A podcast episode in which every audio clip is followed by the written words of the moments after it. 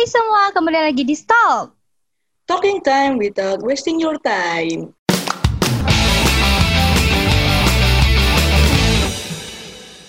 Yeay. Halo semuanya, Assalamualaikum warahmatullahi wabarakatuh. Selamat malam semuanya.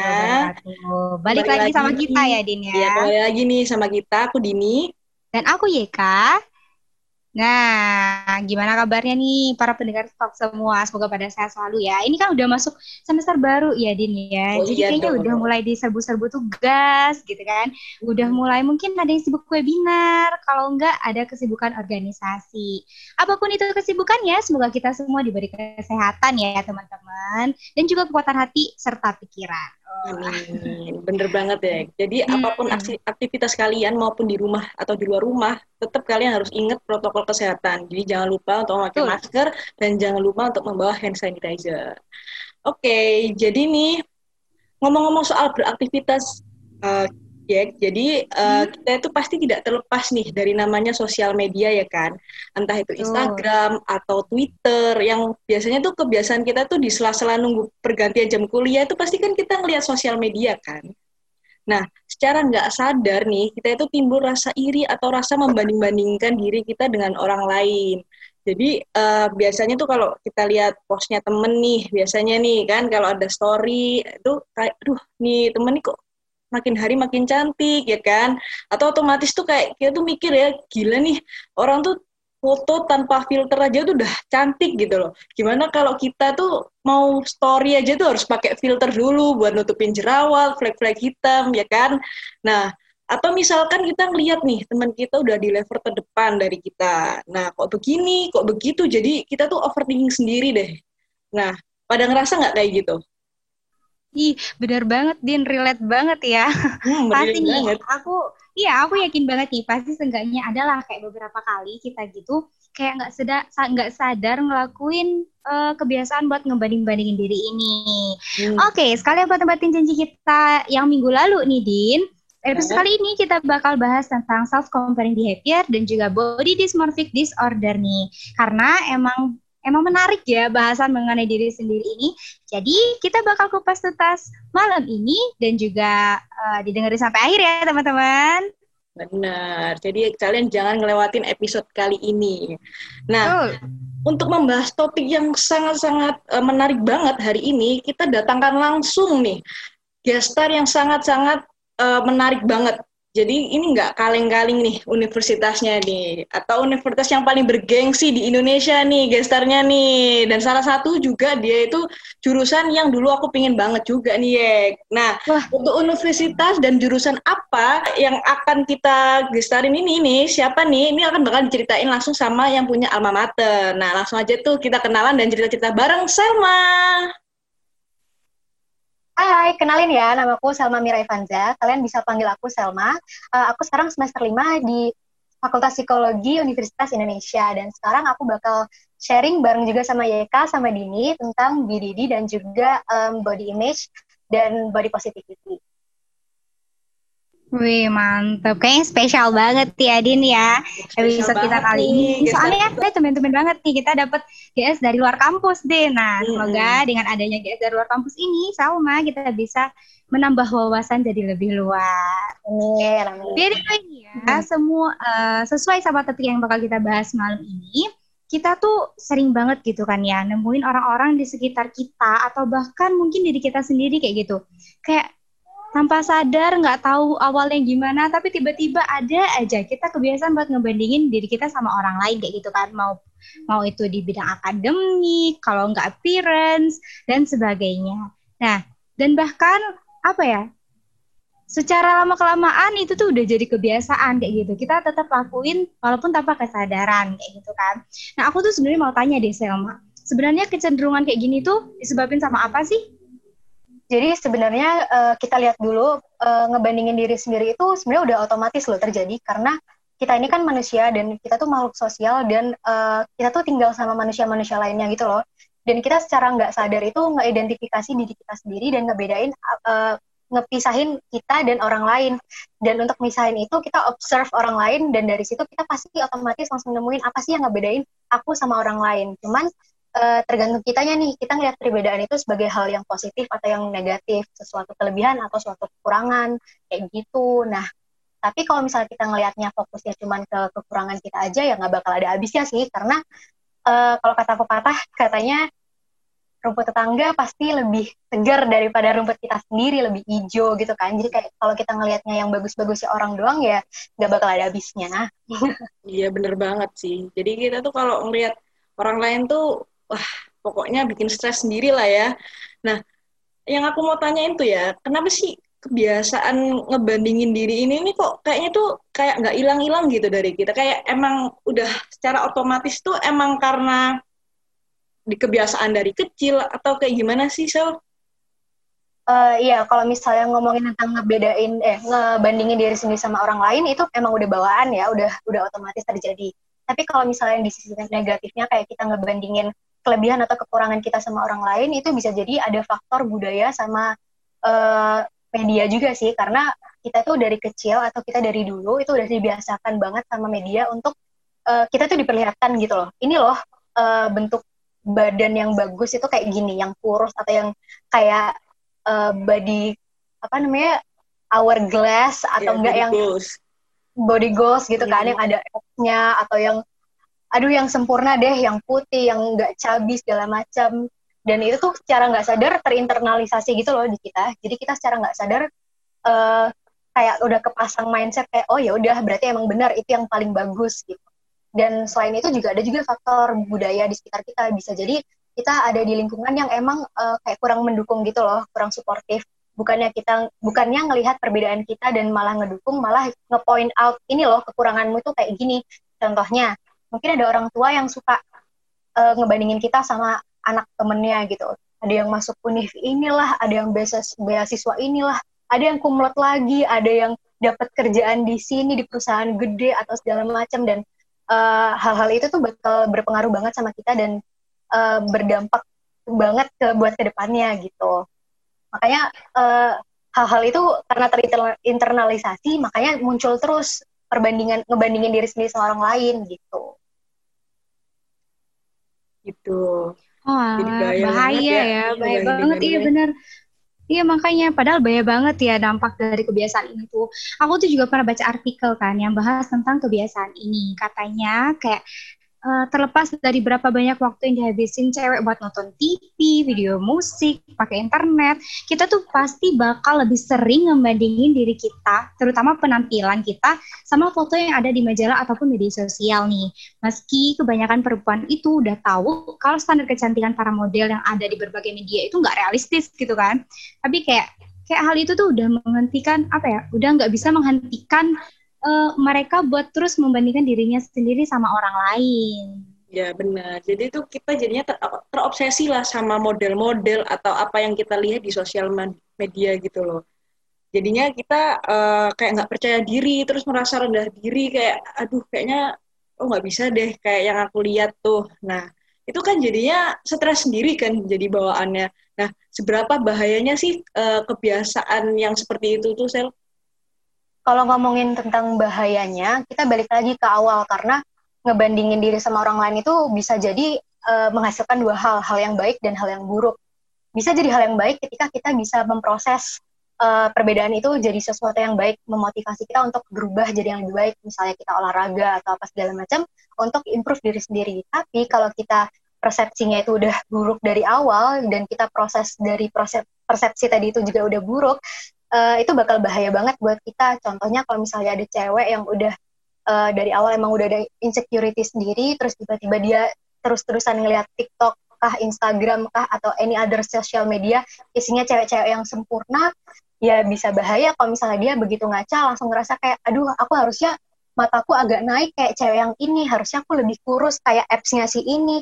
Nah, kalau kita konsisten dan intens terus-terusan kayak gitu bisa jadi kena salah satu penyakit namanya body body dysmorphic disorder. Wah, apa tuh sel body dysmorphic disorder? Body dysmorphic disorder ini adalah suatu gangguan mental di mana penderitanya itu bakal ngepersepsiin dirinya sendiri itu kurang, ada aja yang kurang gitu. Jadi kayak misalnya orang yang kayak aku sebutin tadi, orang begitu ngacang rasanya kayak aduh kok aku gendut banget ya kok lemakku itu kelihatan semua orang itu bisa ngelihat kayak aku jalan itu udah kayak lemak berjalan udah kayak lemak berguling-guling padahal hmm. sebenarnya itu nggak sebaik itu atau enggak misalnya kayak kulit tuh ada yang berjerawat dikit dia udah Astagfirullahalazim, aku stres kayak gimana nih kok sampai jerawatku itu kayak gini bisa sembuh apa enggak? Aku makin jelek nih atau kayak gimana? Padahal sebenarnya uh, itu tuh hal yang wajar, itu bisa sembuh dan sebenarnya orang lain pun ngelihatnya nggak separah itu gitu. Bisa jadi itu kena BDD. Iya sih, jadinya bahaya banget ya. Jadinya kita semakin stres tuh kalau misalnya uh, kena body dysmorphic disorder itu ya Uh, tapi body dysmorphic disorder itu kayak kita tuh tahu nggak sih kalau kita tuh kena atau enggak atau kita tuh menyadari nggak sih bahwa oh kayaknya kita kena sih. Uh, gimana sih caranya kita tahu bahwa kita tuh kena gangguan seperti itu nggak? Gimana sih? Uh, untuk menyadarinya mungkin susah ya. Mungkin bakal ada orang lain yang bakal ngasih tahu kita kalau misalnya uh, mindset kita tuh ada yang salah gitu. Karena permasalahan di sini kan mental tentang diri kita sendiri dan ini tuh pengaruh uh, terpengaruh dari eksternal juga kan karena kita membandingkan diri dengan hal yang di luar jadi kemungkinan untuk menyadarinya itu juga kita butuh uh, orang lain juga butuh bantuan dari eksternal kalau mau menyadarinya ya kalau hmm. aku sih kiranya kayak gitu ya kurang lebih kayak gitu oke jadi wah kalau kita kebanyakan ngelihat sosial media tuh jadinya bisa ini nih bisa kayak ter ter terjangkit ya terjangkit uh, gangguan mental seperti itu tuh. Jadi tapi balik lagi ya soalnya kan uh, aku nggak bilang kalau misalnya sering kita main sosial media kita bakal terjangkit BGD enggak karena balik lagi uh, ini semua permasalahan ada di mindset kita jadi hmm. bukan permasalahan dari sosial okay. media medianya gitu oke okay. jadi uh, tergantung mindset nih berarti kita harus uh, jaga mindset kita nih berarti berpikiran positif aja guys untuk bisa uh, men men menetralisir lah pikiran kita gitu ada yang harus kita pilih nih oh ini bisa membuat motivasi kita atau bisa membuat kita uh, kalau misalkan ada kan ada sih uh, pengalamanku ya kalau misalkan ada temenku yang kayak aduh aku tuh nggak bisa nih lihat TikTok lama-lama kayak uh, jadinya nggak pede sendiri gitu. Ya berarti uh, kamu harus bisa mengontrol dirimu untuk membatasi untuk melihat sosial media itu gitu. Jangan terus-terusan buat harus ngelihat itu terus gitu. Lihatlah yang mau bisa membuat kamu motivasi diri kamu sendiri gitu. Benar kayak pernah kayak pernah yang kita bahas kemarin ya Din ya. Kayak kalau kamu kamu tuh sebenarnya tahu indikasi tubuhmu sendiri. Kalau kamu udah merasa berat, hatimu nggak kuat lagi melihat sesuatu, ya udah cukup berhenti keluar dari sana sekarang juga kayak gitu nggak perlu dilanjutin gitu ya Din ya? Iya benar benar banget. Betul banget. Benar banget tadi kan ada membahas tentang apa ya ngeliat Instagram. Hmm. nah hmm. kita tuh kan emang apa ya bisa dibilang udah nggak bisa terlepas gitu lah yang megang uh, handphone ya ya iya Instagram sebagainya. Yang menurutku uh, sepenglihatanku nih ya, memang kita tuh uh, terutama cewek itu kan lebih apa ya yang buat irinya ini adalah ke appearance-nya gitu kan. Bahkan ada yang kayak orang-orang uh, ngelihat gitu kan, ih kok ini orang nggak ada straight apa straight match-nya, nggak ada uh, jerawatnya, kok ini badannya kurus banget kayak gitu kan. Apalagi yang kayak itu tuh Din, uh, yang sekarang lagi ngetren kan mukbang tuh cewek. Ya ya nah, mukbang kan, tapi nggak gendut-gendut oh, iya, ah, makan banyak tapi kok nggak gendut-gendut gitu kan? Ada gue ya, kapan gitu kan? Ya, padahal nah, ada yang makan tapi makan dikit udah gendut tuh. Ah, bener kan ada juga artis-artis yang ngejim ngejim sampai badannya itu bagus banget tapi kok kita ngejim ngejim juga nggak dapat badan yang kayak gitu ya kan? Nah benar. Betul benar, betul benar. banget. Nah tapi kan sebenarnya itu kalau cuma kita kita kan cuma ngelihat apa yang mereka pengen li, uh, kita lihat gitu kan mereka cuma uh, apa nge-story ya kalau mereka lagi bagus kalau makannya lagi enak mm. gitu. mereka kan nggak menunjukkan semua kehidupan mereka kayak gitu kan jadi mm. yang aku mau bilang tuh bahwa apa ya orang itu nggak sesempurna itu loh kayak gitu orang Betul. orang tuh juga punya sisi-sisi yang kamu pikir kamu itu kurang nah orang tuh juga punya kayak gitu eh that's normal kayak gitu dan itu nggak salah sama sekali kayak gitu kan ya salah ya, benar. benar banget benar banget uh, bahkan uh, stereotip stereotip uh, yang kayak harus model itu harus kurus harus body goals harus putih harus tinggi itu pelan pelan pelan sekarang udah mulai berkurang kok banyak juga sekarang brand-brand yang berusaha ningkatin awareness tentang body positivity. Entah itu dari mungkin salah satu brand yang aku bisa sebut Fenty Beauty yang kalian tahu sendiri brandnya dari Rihanna. Um, dia ngalahin uh, Victoria's Secret beberapa bulan yang lalu atau ta satu tahun yang lalu di fashion show-nya karena dia milih model-model dari segala bentuk tubuh yang ada karena dia itu pengen banget untuk eh, orang-orang yang lihat, cewek-cewek yang lihat itu ngerasa badannya dia itu terrepresentasikan, nggak cuman jadi fashion itu nggak cuman buat cewek-cewek yang bodinya seperti model aja, tapi semua orang itu bisa gitu. Wah, keren banget ya. Berarti itu bisa uh, majuin apa ya uh, kepercayaan diri orang-orang yang harus betul, betul, harus betul. kurus kayak uh, ini nih harus kurus kayak model ya kan Ya, tapi aku ada, aku sempat baca juga beberapa minggu yang lalu sebuah artikel yang ada pro dan kontra dari body positivity ini karena uh, pro-nya adalah karena ya seperti yang kamu bilang tadi Dini, emang uh, dengan menggunakan model dari berbagai bentuk tubuh mulai dari yang paling kurus banget sampai yang gendut banget uh, itu bagus karena meningkatkan uh, kepercayaan diri orang yang lihat karena ngerasa terrepresentasikan. Karena badan dia yang tidak model model banget tapi ada di TV itu dia meningkatin kepercayaan diri. Cuman di sisi yang lain uh, ada downfallnya juga di mana uh, dengan mewajarkan badan yang besar seperti obesitas atau badan yang kurus banget uh, kekurangan gizi uh, jadi kayak diwajarkan gitu loh itu salah satu uh, negatif sides-nya cuman semua balik lagi ke gimana kita nge persepsiin dari body positivity ini? Apakah kamu akan melihat ini sebagai hal yang mewajarkan obesitas atau kamu akan mengutamakan ini sebagai mendorong orang-orang supaya uh, percaya diri sama tubuhnya mereka, to feel good inside their own bodies gitu. Hmm. Itu salah satu insight yang keren sih menurut aku. Bener banget sih. Hmm. Jadi ya keren banget ya ya Mm-mm. Karena kan uh, aku nyambung dari yang sama bilang tadi kan, itu kan sebenarnya gimana cara kita menyikapinya itu kan kita lihat uh, tujuan utamanya. Tujuan dari campaign itu ya. kan untuk meningkatkan kepercayaan diri kita, bukan untuk meng apa ya, mengiyakan orang-orang untuk uh, orang-orang yang obesitas dan sebagainya. Kan bukan itu tujuan utamanya kayak gitu. Betul, betul. Ya apa pun apa pun bentuk tubuh kamu dan apa pun seberat badan kamu ya kamu harus uh, percaya diri dan kamu harus menerima segala kekurangan dan kelebihan itu karena setiap manusia kan pasti punya keunikan masing-masing gitu hmm. yang yang paling penting harus ya mengapresiasi ya hmm. mindset kamu adalah uh, kamu harus nyaman di tubuhmu sendiri dan it's okay if you want to uh, feel good about yourself kamu boleh olahraga kayak gimana pun tapi do it for yourself bukan karena kamu ingin melengkapi ke kekurangan dari dirimu sendiri dibandingkan dengan orang lain gitu loh jadi semua tentang mindset kamu harus uh, itu harus dipelajari banget sih. Oke, okay. oke. Okay. Uh, eh, aku lihat-lihat nih, aku stop-stop uh, IG-nya Selma nih. Jadi uh, ada dia itu juga termasuk uh, ada platform konseling ya, namanya InGrowth nggak sih? Sel? Ya, betul yeah. betul banget. Aku sekarang lagi konten. Aku adalah salah satu staff content writing di InGrowth Indonesia. Jadi InGrowth Indonesia itu adalah organisasi yang menyediakan konseling uh, uh, HR, human resource buat perusahaan-perusahaan atau kantor-kantor apa pun. Cuman kita baru launchingnya tahun depan insya Allah. Jadi untuk saat ini yang jalan baru educational program, di mana aku juga berperan di dalamnya.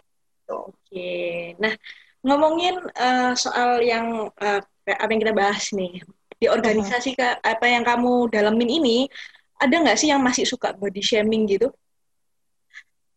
Uh, kalau sepengalaman aku untuk berorganisasi, alhamdulillah sih nggak ya aku nggak nggak nemuin kalau dari pengalaman pribadi. Cuman memang aku dapat banyak cerita kalau misalnya emang banyak orang yang masih ngelihat uh, bentuk fisik banget, apalagi di bidang rekrutmen.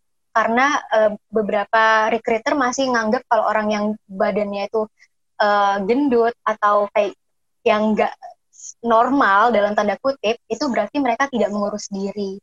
Kayak hmm. kasarannya ngurus diri lo sendiri aja nggak bisa gimana lo ngurus perusahaan ini kayak gitu. Tapi uh, sama kayak fashion tadi kita, uh, kita berusaha untuk ngehilangin itu sih stereotip bahwa badan tertentu sama dengan sama dengan kepribadian tertentu. Itu kita berusaha ngehapus itu karena kita ngeliat orang itu dari kepribadiannya aja fisiknya ya udah gitu loh.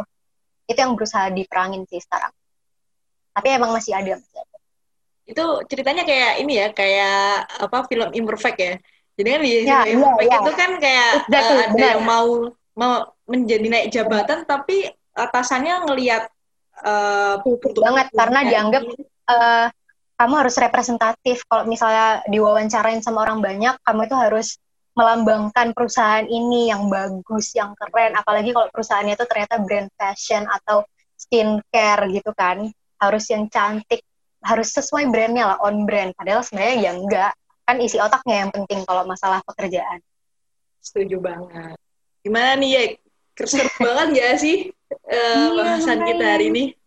Iya, aku kan juga sempat eh, stok kan eh, Instagram eh, in growth ini dan aku lihat tuh kayak bahasan-bahasannya. Aku ada tuh di- Din ngeliat eh, edukasi mengenai people pleaser, terus yang lain-lain. Berarti apa ya? Bener-bener berpusat kepada si sumber manusianya kayaknya ini in Yes, growth betul, ya. human resource. Jadi emang in growth itu uh, educational programnya emang berfokuskan untuk edukasi orang-orang nih uh, kejadian-kejadian apa yang bisa terjadi di sebuah organisasi atau di sebuah uh, situasi pekerjaan dan kita uh, apa ya kita berusaha nggak cuma ngasih konseling tapi juga kita ngasih edukasi melalui platform yang kita punya mulai dari podcast kita juga ada podcast di Spotify dan kita juga ada uh, ya posting-postingan di Instagram dan juga ada artikel di Medium. Kalian bisa buka-buka sih karena sebenarnya buat bahas uh, body positivity itu juga ada di situ. Jadi kalian bisa buka aja gitu. Cek aja Oke. Instagramnya. jadi ya para pendengar Iya. Jadi para pendengar stok bisa nih eh, dengerin juga podcastnya dari Ingrowth gitu karena dia Yes. juga membahas tentang body positivity gitu. Mhm. Ini eh, juga salah satu ini apa eh, event dari organisasinya psikolog sendiri, enggak? Apa berdiri sendiri? Uh, berdiri sendiri, berdiri sendiri. Uh, yang bikin ada salah satu kakak tingkatku sih sebenarnya anak psiko juga anak psiko, psiko UI. Cuman branch out ke fakultas lain juga nggak cuma anak-anak psiko. Uh, jadi campur eh, fakultasnya ya? Iya. Emang bukan bukan dibawahi oleh UI atau psikologi sih, jadi emang itu mandiri. Ada juga beberapa dari fakultas lain, ada yang dari Undip juga, ada yang dari Unpad juga ikut juga. Hmm. Bisa daftar kok. Kalau kalian juga pengen juga bisa sebenarnya kalau eh, sesuai dengan kualifikasi daftar aja kalau ada.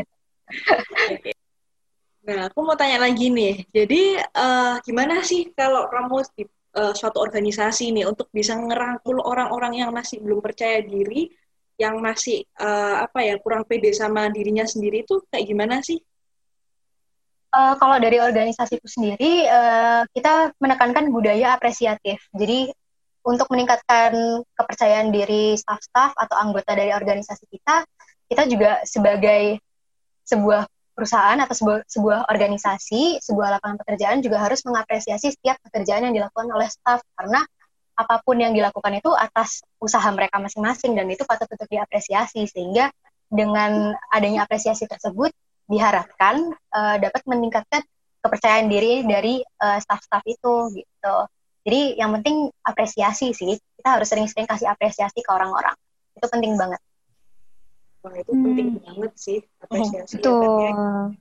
Betul. Itu kan itu kan kalau dari eh, lingkungannya ya kan, misalnya lingkungan yang baik itu untuk menangani eh, permasalahan ini adalah dengan seperti itu kan. Tapi eh, aku mau tanya deh Sel, Boleh? aku mau tanya kan eh, apa ya? Ini kan pertama segala sesuatu itu kan balik lagi pertamanya adalah kepada diri kita sendiri. Kalau kamu bisa mengatasi itu, maka kamu gak bakal menghiraukan orang lain kayak gitu kan. Nah, kira-kira gimana nih Sel caranya buat kita biar kita tuh bisa menerima diri kita apa adanya kayak gitu. Pertama-tama supaya kita bisa menerima diri kita ya pasti kita harus mendengarkan diri kita sendiri. Kita harus tahu kebutuhan kita tuh sebenarnya apa. Kita harus mendekatkan diri eh, ke diri kita sendiri dan itu tuh beberapa orang masih belum bisa melakukan itu dan kita melakukan untuk mencap- mencapai ke sana ada beberapa hal sih yang bisa dilakukan mungkin dengan eh, journaling supaya kita tahu emosi kita tuh seperti apa dan perkembangan emosi kita tuh setiap hari seperti apa kita emosi apa di saat apa itu kita harus mengenali mungkin dari situ juga bisa atau mungkin juga dengan medit- meditasi. Salah satu temanku juga cerita eh, selama PJJ ini benar-benar stressful buat dia dan dia uh, orangnya tipikal yang harus selalu sama orang-orang dan dia ngerasa anxious kalau misalnya nggak ada orang-orang dan dia coba untuk meditasi dan uh, it works. Dia ngerasa kayak benar-benar membantu banget meditasi. Dengan meditasi dia ada waktu untuk dirinya sendiri. Dia benar-benar ngobrol sama dirinya sendiri karena itu waktu yang tenang dan uh, khusyuk buat dirinya dia sendiri. Uh, di situ dia memang bertujuan untuk mengenali dirinya sendiri. Jadi di situ mungkin bisa jadi langkah awal uh, untuk mengenali diri sendiri dan dari situ kita bisa menerima gitu loh diri kita sendiri kayak nggak apa-apa kalau misalnya kita itu nggak uh, sempurna karena emang sebenarnya nggak ada orang yang sempurna gitu loh jadi uh, treat ourselves uh, better lah. Itu salah satu langkah yang bisa kita ambil mulai dari tadi journaling atau meditasi atau olahraga atau sesimpel makan makanan yang bergizi itu juga sangat membantu. Itu bakal ngaruh banget. Gitu sih. Tuh Din, kayak gitu Din, denger Din. Oh iya, nanti habis ini aku akan meditasi. Aduh, boleh, boleh, boleh, boleh dicoba. Dicoba dong. Boleh, boleh. uh, Oke. Okay. Terus um, uh, caranya untuk apa ya? Uh, buat mengatasi kebiasaan kita untuk apa ya kalau kita udah terkena dismorfobia atau kita sudah kebiasaan untuk membandingkan diri itu ya berarti uh, untuk cara mengatasinya dengan cara mindset tadi ya sel mm -hmm. uh, iya untuk simpelnya kayak gitu cuman kalau misalnya memang uh, beneran BDD, aku bakal menyarankan banget buat seek professional help karena yang paling tahu balik lagi ke tenaga kerja yang profesional karena aku sendiri bukan psikolog, kalian juga bukan psikolog. Jadi lebih baik kita ask ke yang beneran ngerti gitu. Dan kalaupun kita mau diatasi tanpa dengan tanpa psikolog, tanpa uh, bantuan profesional, lebih baik uh, kita cari bantuan ke orang-orang yang memang mengerti di bidang itu supaya nggak salah langkah karena kadang-kadang ada yang ngasih saran tapi malah memperparah gitu.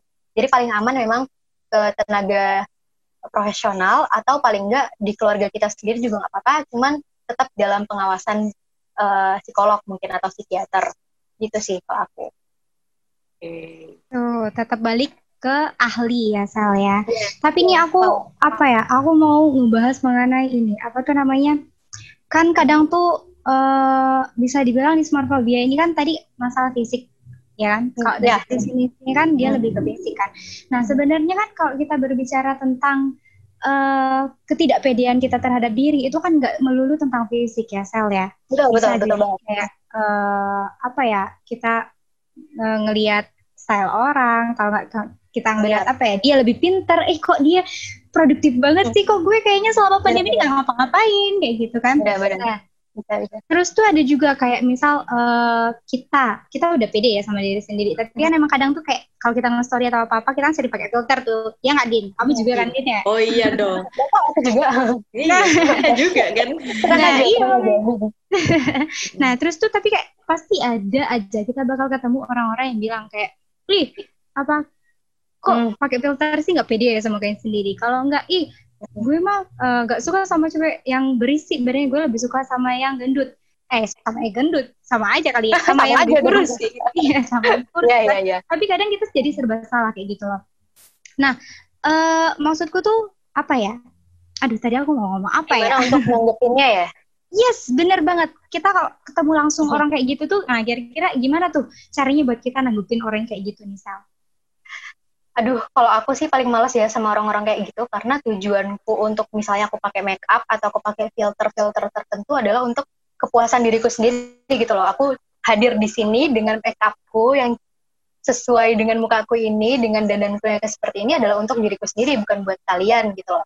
Dan aku ini manusia biasa aku bukan transformer yang bisa ngikutin semua karakteristik tertentu yang disukai oleh semua orang gitu loh. Jadi uh, balik lagi mindset kalian jangan untuk pleasing orang lain, jangan untuk memuaskan orang lain, tapi untuk memuaskan diri kita sendiri. Dan orang-orang yang bilang, e, aku nggak suka kamu, aku sukanya yang lebih kurus, aku sukanya yang lebih putih, aku sukanya yang lebih ini.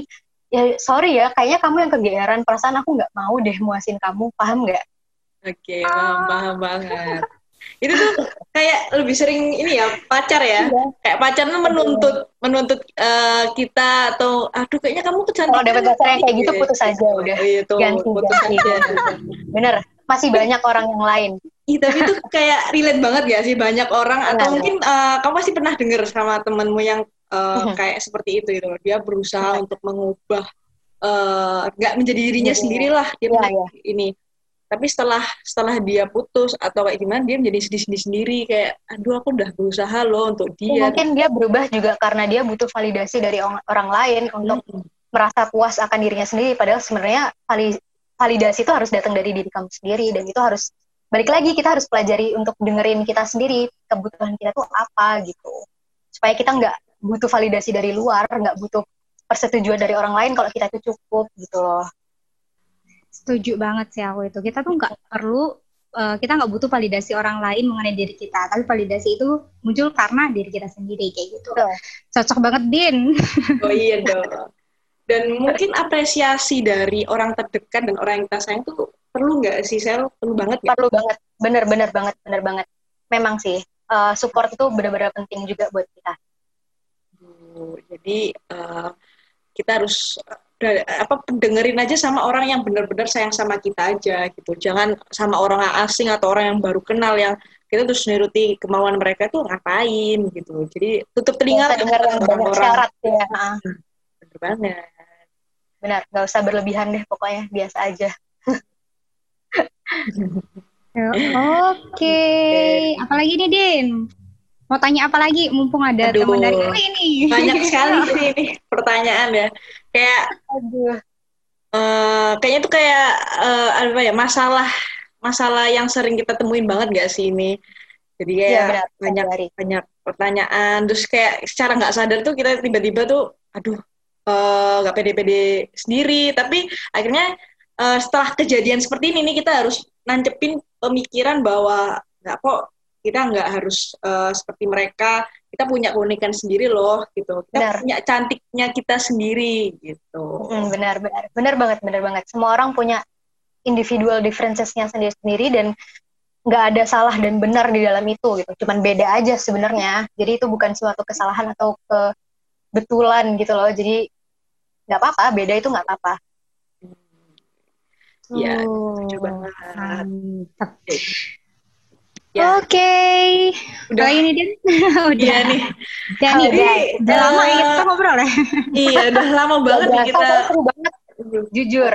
Dan gak ada habisnya juga nih kita kita bahas tentang yes, apa, yes. Eh, bahasan tentang membandingkan diri dengan orang lain dan uh, yang apa tuh uh, pokoknya tentang cara meningkatkan self love lah ya. Jadi yeah. Iya. uh, aku mau ngerangkum nih, wah ngerangkum. Yeah, Jadi kayak apa ya episode seperti di episode lalu bahwa cantik itu relatif hmm. loh dan sebenarnya juga nggak ada rules atau standar yang membahas tentang kecantikan ini ya kan. Karena cantik itu lebih ke tentang bagaimana persepsi kita terhadap diri sendiri gitu. Jadi cantiknya cantik asalnya itu bukan dari pandangan orang terhadap kita, tapi gimana kita itu bisa percaya sama semua potensi yang kita punya gitu. Mengenali diri kita dengan semua keunikan kita. Kita tuh punya kok banyak kelebihan gitu loh. Kita jangan lihat kekurangannya doang gitu loh. Jadi yang nanti justru bisa memancarkan cantik itu ya kita sendiri gitu. Betul. Jadi harus percaya betul. sama diri kamu sendiri. Betul banget, betul. banget, benar banget. Karena emang pada dasarnya itu kita beda-beda ya, seperti yang sama bilang tadi. Kita tuh punya individual difference-nya masing-masing kayak gitu. Kalau kamu sama semua ya bukan manusia dong gitu kan. Iya, manusia itu nggak homogen ya. gitu kan. Manusia itu homogen gitu kan. Sama kayak kalau kamu mau membandingkan uh, suatu hasil biar kamu punya patokan yang sama, artinya apa ya biar valid itu segala sesuatu komponen di dalamnya juga harus sama variabel-variabelnya harus sama kayak gitu kan nah kalau Betul. kita nggak bisa menyamakan semua itu kayak gitu kan kita Betul juga nggak bisa uh, semuanya harus meniru yang orang lain kayak gitu jadi kita nggak bisa mengharapkan hasil yang sama persis oke okay. Betul. Banget. Mungkin uh, terakhir nih dari Salma mau uh, apa ya kasih pesan kalau enggak uh, tips atau kata penyemangat buat para pendengar stok yang lagi dengerin podcast kita kali ini? Monggo silakan. Uh, oke okay, boleh. Jadi uh, menurutku masalah body positivity ini balik lagi semua ke mindset kalian. Jadi aku harap kalian benar-benar bisa untuk untuk mulai belajar gimana untuk dengerin diri kalian sendiri dan gimana cara untuk treat yourself better for your better self?